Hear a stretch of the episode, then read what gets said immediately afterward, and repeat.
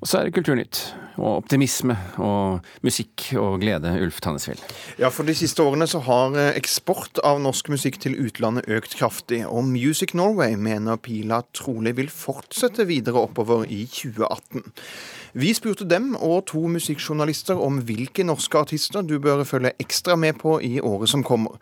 Og det er spesielt et ungt stjerneskudd fra Ålesund som løftes fram. Jeg tror at det er grunnlag for at vi får en popstjerne fra Norge i 2018. Hun tør å skrike, og det er så forfriskende å høre.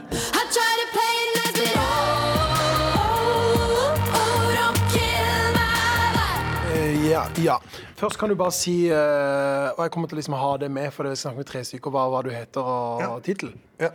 Uh, jeg heter Ali Sofi, og jeg er anmelder i NRK P3. Hei, jeg heter Katrine Synnes Finnskog, og jeg er direktør i Music Norway. Mitt navn er Sandeep Singh, og jeg er anmelder i VG.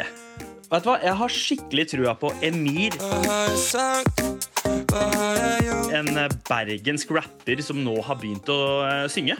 Han ga, slapp en skikkelig bra låt i fjor høst og, uh, som heter 'Faller'. Og jeg tror at han kan gjøre mye bra i uh, 2018. Jeg er for ute til å preike, kommer aldri til poenget. Det er ikke jeg ser når jeg tror vi også kommer til å høre fra Marcus Martinus i 2018. Jeg vet at Sony-kontoret i Tyskland nå også følger opp satsinga eh, rundt dem i Europa. Hvis Marcus Martinus tar Tyskland, så tar de resten av Europa. Det blir veldig interessant å følge med på.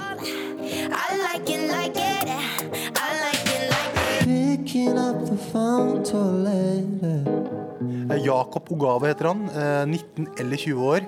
Han lager øh, psykedelisk neppopop øh, som skeier litt inn på nysoul-greia. Han har en stemme som skjærer gjennom, men på en god måte. Det er veldig veldig deilig musikk, rett og slett, som jeg tror kan bli bra.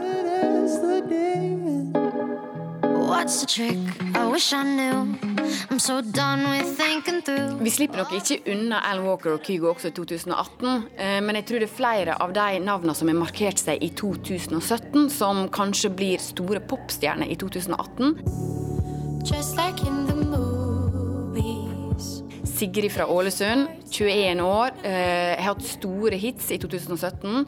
Lagt veldig godt grunnlag og bygd fans rundt omkring i hele verden. Hun skal slippe sitt debutalbum i 2018. Eh, den tror jeg blir veldig sterk. Jeg tror at det er eh, grunnlag for at vi får en popstjerne fra Norge i 2018. Jeg tror at Sigrid eh, har i hvert fall den som har mest potensial til å eh, virkelig blomstre i 2018.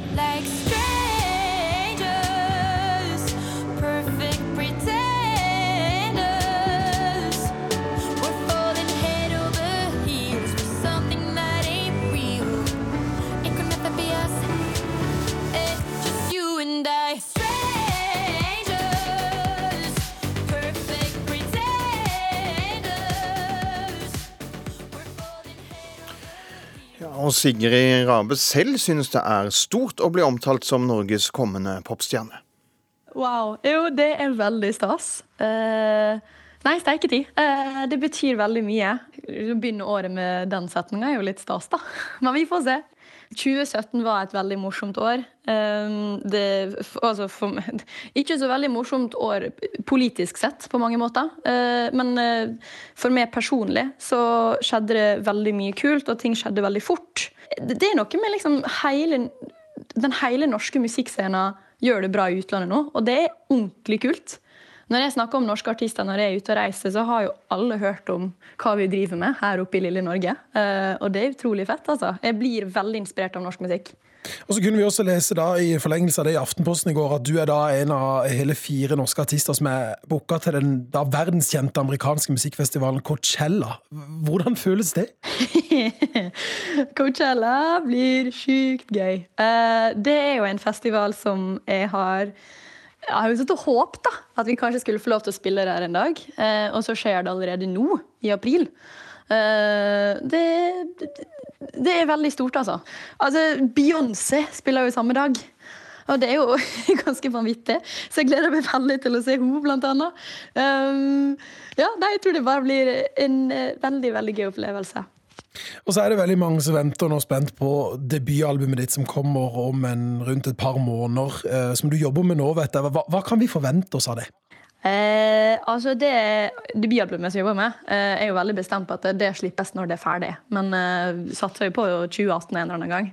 Eh, og det er noe jeg jobber med hele tida. For det er jo, altså, når jeg skriver musikk, så skriver jeg teknisk sett hele tida. Jeg har jo nå i juleferien sittet ved pianoet hele tida eh, og bare drodla ned forskjellige ting. og sånn, Men jeg tenker jo ikke på det som jobbing. Jeg sitter nå bare og leker, må på å si. Eh, og så det en kan forvente seg, er vel eh, Altså, det blir jo i, i, i, stil, i stilen min, da, håper jeg å si. Eh, det blir personlig. Og det, jeg tror det blir gøy. Hva skal det hete? Nei, det det vil ikke jeg snakke om. Litt hemmelighetsfull må jeg få være. det er veldig mange som beskriver trøkket i stemmen din, liksom særegenheten. Og det, og det er noen musikkanmeldere som også har uttrykt bekymring for at du skal slite ut stemmen din. Har, har de grunn til å være bekymra? Nei. Men jeg tror altså Jeg er veldig, veldig forsiktig med disse greiene der, altså. Det å fly tar veldig på stemmen. Eh, det å synge for mange konserter på rad tar på stemmen. Så det er noe mitt team og jeg jobber aktivt med på, på å holde i form. da. Jeg spiller aldri flere konserter enn det kroppen min takler. Uh, på, på, på, rad, altså. og jeg går jo til sangpedagog. nok søvn. Det er kanskje det viktigste, tror jeg.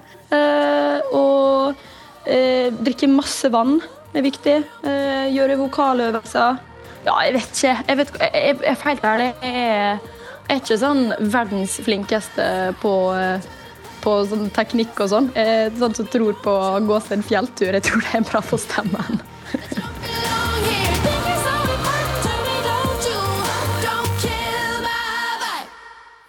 Og vår eh, reporter som tok for seg musikkåret 2018 og som intervjua artisten Sigrid, heter Christian Ingebretsen. Så langt musikk. Nå skal det handle om falske nyheter. que nous allions faire évoluer notre dispositif juridique pour protéger la vie démocratique de ces fausses nouvelles. Her hører vi den franske presidenten, kulturreporter Tone Staude. Ja, eh, Emmanuel Macron snakket i sin nyttårstale i går kveld om spredningen av falske nyheter. Han vil at medier som gjør dette skal kunne straffes. Han vil eh, legge fram et nytt lovforslag om dette, melder Sveriges Radio. Og Hvordan ser den franske presidenten for seg at dette skal kunne foregå i praksis? Ja, Han foreslår at nettsider som sprer falske nyheter skal kunne blokkeres, at informasjonen kan fjernes og at nettkontoen kan stenges. Han mener til og med at radio- og TV-stasjoner skal kunne la være å inngå avtaler eller si opp avtaler med utenlandske stasjoner som sprer falske nyheter, f.eks. da under en valgkampanje. Og Emmanuel Macron har vel også selv personlig erfaring med falske nyheter? Ja, det er eh, noe han er rasende på. Bare noen dager før det franske valget i vår så spres en falsk nyhet om at eh, Macron skal ha en bankkonto i et skatteparadis. Det var en anonym amerikansk nettside som hadde hacket seg inn på partiets e-postkonto og spredd innholdet. Og da den russiske president Putin besøkte Versailles i fjor, så anklaget Macron de russiske TV-kanalene Russian Times og Sputnik for å lyve og spre propaganda. Men så er det vel ennå et stykke vei å gå før forslaget kan bli fransk lov? Ja, forslaget skal diskuteres med bl.a. franske journalister, og mange har allerede påpekt at det kan bli vanskelig å definere de falske nyhetene og straffe avsenderne, så lenge de finnes på veldig mange forskjellige plattformer. Macron tror likevel at domstolene må brukes når tilliten til pressen svekkes. Bare slik kan demokratiet beskyttes mot falske nyheter, sa han i talen i går. Vi skal videre nå til rettssalen, for i morgen start, da starter rettssaken der YouTube-stjernen Dennis Vareide saksøker en 19-åring for ærekrenkelse, etter at 19-åringen la ut videoer med alvorlige anklager. Vareide er kjent fra duoen Preps og Dennis, og disse jobber som såkalte youtubere og legger videoer ut på nettstedet YouTube. På samme nettsted ligger nå videoen Vareide mener er ærekrenkende. Ja, Ytringsfrihet har han, men det har jo ytringsfrihet med konsekvenser. da. Eh, og I ytringsfriheten så er, kan du fremdeles ikke trakassere folk. Det sier Dennis Vareide. Han er best kjent fra duoen Prebz og Dennis. De driver Norges største YouTube-kanal og har over 200 000 følgere. På YouTube legger de ut videoer av at de spiller spill, og at de finner på morsomheter. Lørdagskos med Prebz og Dennis. Hei! Lørdagskos! I august kom de også med sin egen film, og Vareide er i disse dager med i Farmen kjendis. Men på fredag blir det ikke like koselig. Da skal Vareide troppe opp i Oslo tingrett. Han saksøker nemlig en annen YouTuber, og ønsker 130 000 kroner som erstatning for ærekrenkelser. I en 20 minutter lang video på YouTube harselerer en 19-åring med Dennis Vareide. Han kommer med beskyldninger om at Vareide skal ha gjort alvorlige, straffbare handlinger. Vareide sier at dette er usant, og han anser forholdet som ærekrenkende. Det har vært tungt å få sånne anklagelser mot seg, for de er veldig alvorlige. Og hadde det blitt tatt seriøst, så kunne jo min, eh, alt min karriere og alt sammen eh, falt ganske hardt til grus. da. Det er til sammen tre videoer det er snakk om. Han får støtte av sin advokat, Jon Wessel Aas. Vi er vel litt overrasket over at eh, det har vært nødvendig å gå helt til retten for å få eh, denne personen til å forstå at man ikke kan publisere den typen helt udokumenterte og usanne beskyldninger mot andre.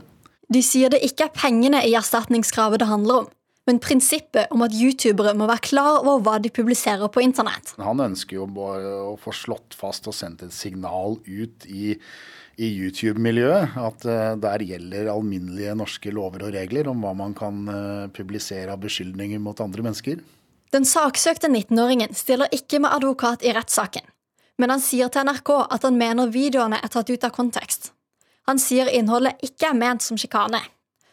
Under en av videoene på YouTube står det 'Videoen er skapt som satirisk kritikk'.